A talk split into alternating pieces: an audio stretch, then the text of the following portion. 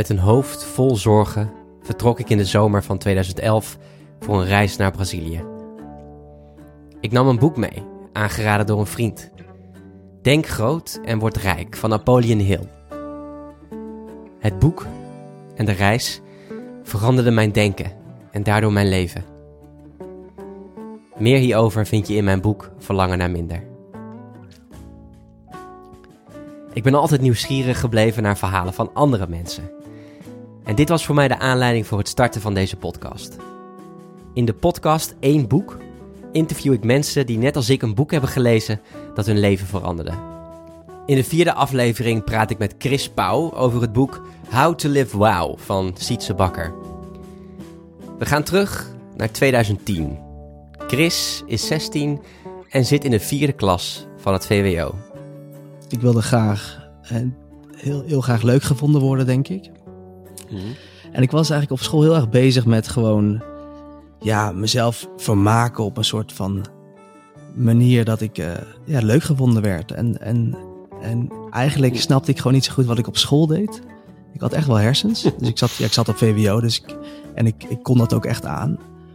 Maar ik denk dat ik gewoon niet zo goed begreep welke waarde school nou echt had voor mij. Mhm. En dat ik vanuit die plek gewoon ja, dingen ging zoeken om mezelf maar te vermaken. En dat, dat, dat, dat, uitte zich heel erg in een soort clownesk gedrag en, en stoer willen doen voor mijn vriendjes en voor klasgenoten en grappig gevonden worden. Maar op een gegeven moment ehm, begon het ook echt wel effect te hebben op mijn resultaten op school. En, en zover dat mijn moeder op een gegeven moment ook niet meer wist ja, wat, wat ze met me aan moest, als het ware. Want uh, een paar schorsingen achter de rug en uh, elke keer uitgestuurd worden. En ook bij de mentorgesprekken dat ze toch echt wel een alarmbel was gaan rinkelen van... Ja, Chris moet toch echt iets gaan doen, want anders gaat hij het VWO gewoon niet halen. En mijn moeder dacht van, ja, die keek naar mij thuis en dacht, het is toch een leuk kind, uh, hoe kan dat nou? Uh, ze wist gewoon niet zo goed ja, wat ze met me moest en hoe ze me dus ja, op een goede manier kon bijsturen als het ware. Want wij hadden een hele goede band, mijn moeder en ik en ook mijn broer. Mijn vader is overleden toen ik 12 was, dus dit was toen ik 16 was, ja, vier jaar later. Dus ik denk ook nu terugkijkend dat ik die tijd ook heel erg aan het vluchten misschien was voor, eh, voor wat er binnen in me speelde. Dat ik gewoon hmm. probeerde het leven leuk te maken op mijn eigen manier. Um, ja. Maar ik had dus een hele leuke band met mijn moeder. Maar toen op dat moment wist ze gewoon niet zo goed ja, wat ze met me moest. En uh, op een gegeven moment, op een zaterdagochtend, slaat zij de krant open, de Telegraaf. En daar staat een pagina groot artikel in over het boek How to Live Wow van Sietse Bakker. Oké, dus dat lezen en dat is een boek, een, een, praktisch handboek voor een nieuwe generatie. Over persoonlijke ontwikkeling. Eigenlijk persoonlijke hmm. ontwikkeling wilde hij toegankelijk maken voor ja, die nieuwe generatie. En mijn moeder zag dat en dacht, dit is het. Dit moet ik kopen. Het boek voor Chris. Letterlijk dat, dat zei ze ook. Ja. dus dat heeft ze gewoon zonder te vragen meteen besteld. En volgens mij een dag later zei ze, uh, Chris, ik heb een boek voor je besteld. Oh, ja, zal wel, mam. Oh, leuk, ik, ik, zie het wel. Mhm. En dat boek komt binnen. En ik ben het wel echt meteen gaan lezen, toch? Want ik, ik nam mijn moeder denk ik toch wel serieus ook al. En ik heb er altijd heel erg... Uh, ik heb altijd heel veel respect gehad voor mijn moeder ook. Dus dat deed ik gewoon. Ik, ik weet, mm. ja, ik ben het gaan lezen. En ik kan me echt goed herinneren dat ik het begon te lezen. En voor het eerst dacht van holy shit ik wil gewoon niet stoppen met lezen. En dat ik dingen las die me wel boeiden. In tegenstelling tot wat ik op school leerde. Daar had ik telkens het gevoel van, maar wat heb je hier nou aan? Wat heb je hier nou aan? De verplichte boeken op school. De verplichte boeken op school, maar de ook, ook de verplichte vakken op school, waar ik gewoon niet altijd het gevoel bij had dat ik daar iets aan had. Nee. En nu las ik dus allemaal dingen voor het eerst over ja, geluk, over succes. En werden er allemaal vragen gesteld in dat boek die me wel wisten te boeien en wisten te triggeren en waar ik echt over na wilde denken. En, en ik weet nog dat ik gewoon een paar dagen later naar mijn moeder toe liep. Mam, mam, ja, dankjewel, dit, dit, dit, dit wordt mijn levensboek. ik, ik voel het, dit, is precies wat ik nodig heb. En, en ik, heb, ik heb toevallig gisteren nog even gebeld met mijn moeder om even over dat moment even terug te halen. Hmm. Uh, en uh, ja, zij bevestigde dit allemaal, dat het echt, dat het zo'n grote groot cadeau was voor mezelf eigenlijk. Dus dat was zo'n een schot in de roos van haar. En als Ja. ik terugkijk naar school, dus, dus hoe dat het boek ook meteen eh, een verandering teweeggebracht in mijn gedrag. Van, oh, ik ging me voor het eerst afvragen van oké, dit is mijn leven. Hoe wil ik dat gaan invullen? Welke rol wil ik gaan spelen in het leven? En, en, en zelfs, wat wil ik misschien gaan bijdragen aan de wereld? Ik begon dat soort vragen voor het eerst te stellen. En, en toen begon ik aan een heel ander. En toen begon ik met een heel ander perspectief naar mijn eigen ontwikkeling te krijgen. En ook Mhm. dus welke rol ik op school had. En eh, dus dat heeft er echt zeker voor gezorgd. Uiteindelijk dat ik gewoon twee jaar later mijn VWO ook zelfs gehaald heb. Want ik wist, dit is mijn eigen verantwoordelijkheid. Ik doe dit voor mezelf. Mhm. En eh, ik moet het gewoon gaan doen. Het boek is een beetje opgebouwd uit drie delen. Eerst gaat het een beetje over jezelf. Dan worden heel veel tools aangereikt om, ja, waarmee je jezelf kunt laten groeien. En op het einde gaat het ook over change the world. Er worden heel veel vragen gesteld over, oké, maar wat wil... In, deze, in de 21ste eeuw staan we ook met z'n allen voor bepaalde uitdagingen.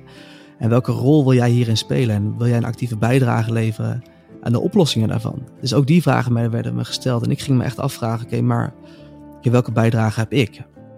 Mhm. Eh, en ik weet nog dat ik eh, bijvoorbeeld een jaar later op school moest ik een betoog houden over Nederlands.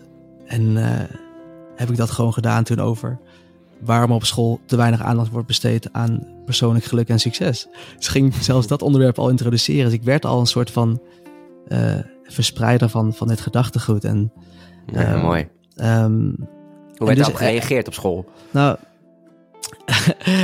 ehm, eh, een beetje verbaasd ook wel. Want, eh, want het is toch diezelfde jongen die, die eerst alleen maar eh, ja, de boel wilde saboteren en een beetje eh, grappig wilde doen. En nu Hmm. wilde hij opeens ja, mensen een soort van inspireren bijna. Het werd een beetje, ze, Ja. ze werd misschien een beetje omgelachen, maar, maar, ik boeide dat, maar mij boeide dat niet zoveel.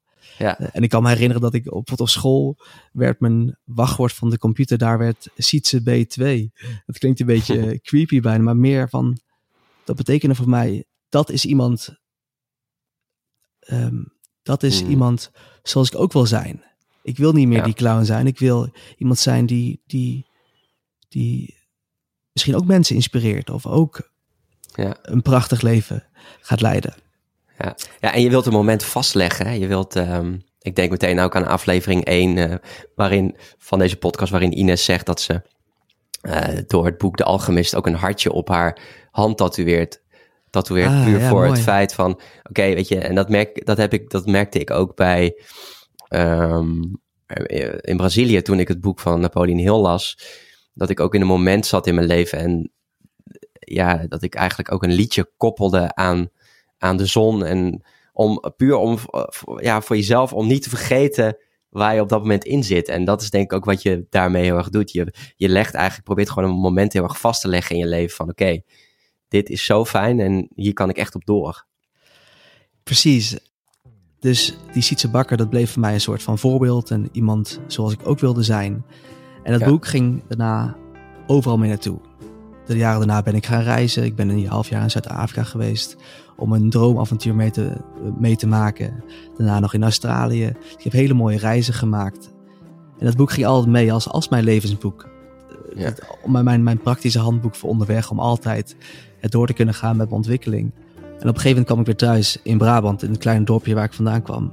En eh, na twee reizen te hebben gemaakt, dacht ik, hé, wat ga ik nu doen? Nou, volgens mij moet ik nu wel eens een keer gaan studeren, want ik heb nu twee, twee jaar prachtige avonturen meegemaakt. Maar misschien moet ik nu weer iets gaan doen. iets actiefs, hè? Volgens, misschien volgens de maatschappen, volgens de maatstaven van de maatschappij, dacht ik te moeten gaan studeren. Ja. En ik Nuttig worden. Precies. En ik Ja. koos media en cultuur op de UvA in Amsterdam.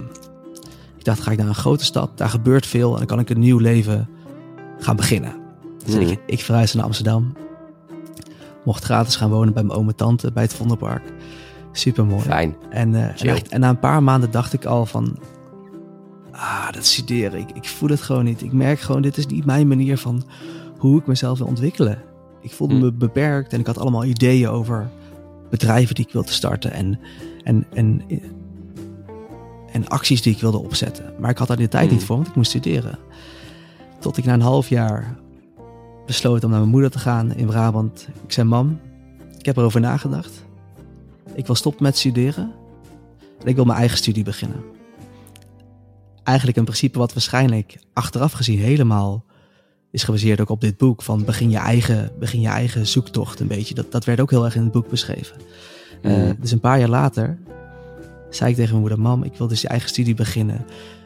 Een manier. Ik wil. ik wil een manier bedenken dat ik mezelf op mijn eigen manier kan ontwikkelen. En, en die dingen kan uitkiezen die ik graag wil leren. En ook mijn eigen manier kan bedenken hoe ik dat wil leren. Ik had een heel soort schema gemaakt van wat ik dan wilde leren. om haar te overtuigen. Zij is goed, schat. Um, drie dagen over gepraat samen hoe dat, dat eruit moest zien. En, maar ik kreeg haar volledig... Was dat meteen haar eerste reactie van is goed? Of was het ook in het begin wel dat ze twijfelde? Um, nou, ze, ze, is, ze is heel lief, maar ook uh, streng en rechtvaardig. Dus, dus op het begin was het denk ik vooral luisteren naar wat ik te zeggen had. En een beetje meeknikken en vragen stellen. Maar toen ze eigenlijk het hele verhaal had gehoord, nou, stemden ze er al vrij snel mee in volgens mij. Maar wel onder één voorwaarde van, oké, ik vraag één ding, ik vraag een paar dingen van je. Ik wil echt dat je actief mee aan de slag gaat. Dat je kan laten zien dat je ook dingen in gang gaat zetten. En ik wil dat je over één jaar financieel op je eigen benen kan staan. Dus Wanneer gaat je moeder een boek schrijven over uh, kinderen opvoeden? oh, ik hoop het. Oh, echt. Ik, ik, ik heb, ik, ik, kan, ik kan een hele podcast vullen over, over mijn moeder. En, en welke ontzettend belangrijke rol ze in mijn leven heeft gespeeld. Uh, en nog steeds. En ik begon dus mijn eigen soort van studie. Ik begon een blog, chrispauw.com. En daar ging ik ja, voor het eerst schrijven over de dingen die ik geleerd had. En dingen die ik meemaakte. En het grappige was, ik ging ook filmpjes maken voor dat blog. En het tweede filmpje dat ik maakte, heette Mijn eerste grote eye-opener. En dat ging natuurlijk over het, over het boek van Sietse Bakker, Houd de Levouw. Die filmpjes deelde ik op mijn persoonlijke Facebookpagina. Nou, ik had, ik had natuurlijk een paar vrienden, maar niet veel mensen zagen dat. Ik had het filmpje gepost en toen kreeg ik opeens drie dagen later een like van Sietse Bakker. en tot op dat moment was hij nog steeds ja, in mijn hoofd eh, ja, die held van die me zoveel had gegeven en zoveel voor me had betekend. Dus ik zag zijn naam op een gegeven moment onder die like-knop staan. dacht ik, hè? Dat kan toch niet? Hoe heeft hij dat nou gevonden? Hmm. En blijkbaar was op dat moment iemand bij mij op school. Was het nichtje van de vriendin van hem. Dus zo via via was het filmpje bij hem terechtgekomen. En een dag later kreeg ik naast die like ook nog een persoonlijk berichtje van hem. Van hey kerel, this made my day. Nou, ik dacht, dit kan toch niet? Dit is, dit is geweldig. Ja. Ik, begon, ik, ik ging verder met mijn zoektocht. Ik ging verder met mijn, ja, mijn eigen studie, zoals ik het noemde. En ik begon allemaal dingen te doen. Ik was ook heel onzeker in die tijd, hoor. Dat ik in de kroeg stond uh, met vrienden. En dan vroegen mensen aan mij, uh, uh, wat doe jij nou eigenlijk? En dat ik gewoon helemaal verstijfde van angst. Van, oh ja, ik, ik weet het eigenlijk helemaal niet. ja. Maar Sietse ging me dus na dat filmpje, is hij me dus blijven volgen. Mm. Hij vond die zoektocht wel, wel spannend, denk ik. En uh, hij is het blijven volgen. Tot ik opeens drie maanden later weer een berichtje kreeg van hem. Waarin hij zei: Hey kerel, um, ik ben met een nieuw project bezig. Ik zou eigenlijk wel graag een keer met je erover willen praten. Dus ik dacht, ja, mm. hij, hij nodigde me gewoon uit voor een gesprek. Ik mag hem dus gaan ontmoeten. Mm. Dat, uh, ja, super spannend natuurlijk. Nou, afspraak gemaakt. En ben ik en toen ben ik erheen gegaan en uh, dat klikte eigenlijk meteen heel goed. En, en we, we praten over ja, die eigen studie dan en wat mijn plan was en hoe zijn boek dus zoveel voor me had betekend. En hij mm. vertelde dat hij een nieuw boek aan het schrijven was. En daarbij wilde, wilde hij een online platform gaan oprichten. En hij zocht daar, en hij zocht daar schrijvers voor. Dus hij vroeg mij, eh, kan je schrijven? Ik zei, ja, ik, ik heb een beetje ervaring nu. Ik heb mijn eigen blog een paar maanden geleden gestart.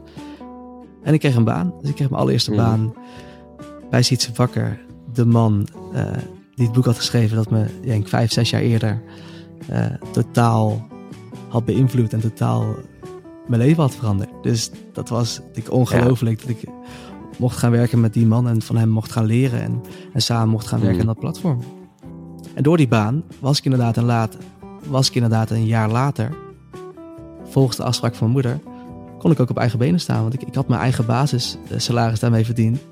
En uh, ik werkte daar twee of drie dagen in de week. En de rest van de dagen uh, zet ik die eigen zoektocht voort. Dus dat was het begin voor mij als een soort van vrije ondernemer die mezelf op mijn eigen manier kon en wilde ontwikkelen. Ja. En dat is echt, uh, ja, dat was, ja, als ik het niet zo vertel, is dat toch wel heel bijzonder, denk ik. Ik heb daar dus een jaar gewerkt uiteindelijk. Heel veel ook geleerd binnen zijn bedrijf. En, ook, en, en na een jaar voelde ik bij mezelf, volgens mij kan ik hier nog even blijven zitten. Mhm. Maar ik denk dat ik meer leer als ik weer doorga. Als ik mijn vleugels weer ga spreiden en weer ergens mhm. anders nieuwe ervaringen ga opzoeken. Dus toen heb ik zelfs na een jaar ben ik naar Sietse toegelopen van Sietse, ik denk uh, dat ik me wil, dat ik, dat ik wil stoppen. En dat ik wil mhm. doorgaan met filmmaken. Iets wat toen ook al begonnen is. En uh, dat ik me wilde gaan ontwikkelen in andere talenten. Nou, hij snapte dat helemaal. En hij uh, heeft me zelfs aangemoedigd om die stap te nemen. Wat ik ook heel tof vond. en ja, daar begon weer een heel nieuw, nieuw hoofdstuk voor me. En iets, iets waar ik nog steeds van leef. Dus die talenten die ik toen ben gaan ontwikkelen. Dat is nog steeds wat ik nu doe. Films maken en foto's maken. En het grappige is nu, zelfs dit jaar, is het bedrijf van Sietse, een, een digitale agency, ook nog steeds een van mijn klanten binnen de dingen die ik nu doe. Dus het heeft op zoveel lagen is het met me mee blijven reizen.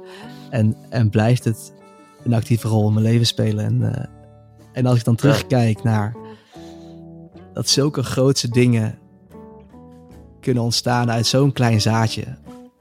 Dat fascineert me echt eindeloos over het leven. En ik heb daar meerdere voorbeelden van.